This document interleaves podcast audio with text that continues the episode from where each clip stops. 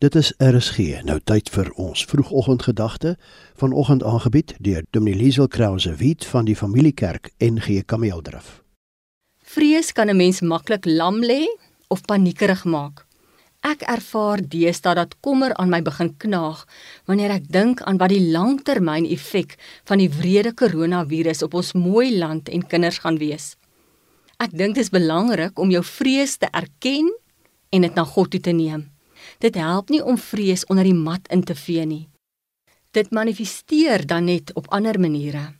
Wanneer jy nie met jou vrees deel nie of wanneer jy dit gedurig ontken, kan dit jou later depressief en aggressief maak.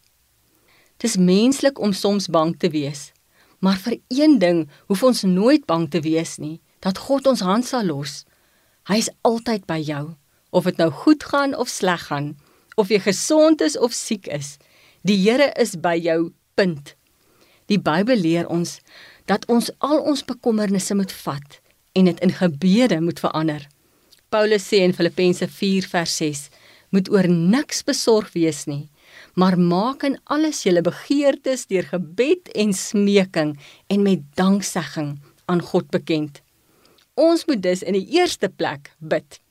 In Engels sê dit so mooi: Do not panic, pray.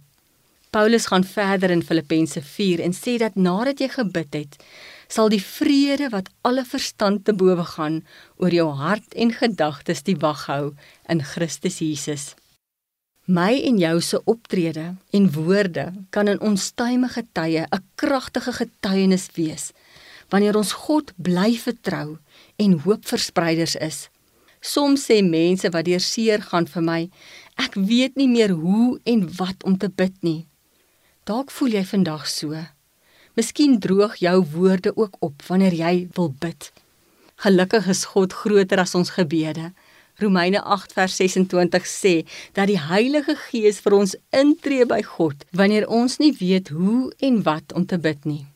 Kinders van God kan in donker tye by hom skuil. Psalm 34 sê: Die Here is naby die gebrokenes. Hy help die moedeloses. Psalm 23 sê: Die Here is selfs by jou in die dal van doodskade wee. Onthou dat God jou in die verlede gedra het deur swaar tye. Hy sal dit weer doen. Jy stry nie jou stryd hier op aarde alleen nie. God is by jou. Kies om aan te hou glo. Kies om God te bly vertrou. Hou vas aan hom. Ek bid vir jou en vir elke ander Suid-Afrikaner. Mag God vir ons insig en wysheid gee. Mag hy vir ons vrede en kalmte gee te midde van moeilike omstandighede. Mag hy ons die vermoë gee om saam te staan. Mag hy siekes genees, weerloses help en medisy nuwe energie gee. Ek bid dit in die naam van Jesus. Amen. Ons vroegoggendgedagte hier op RSG is vandag aangebied deur Dominee Liesel Krause Wit van die Familiekerk NG Kameeldrif.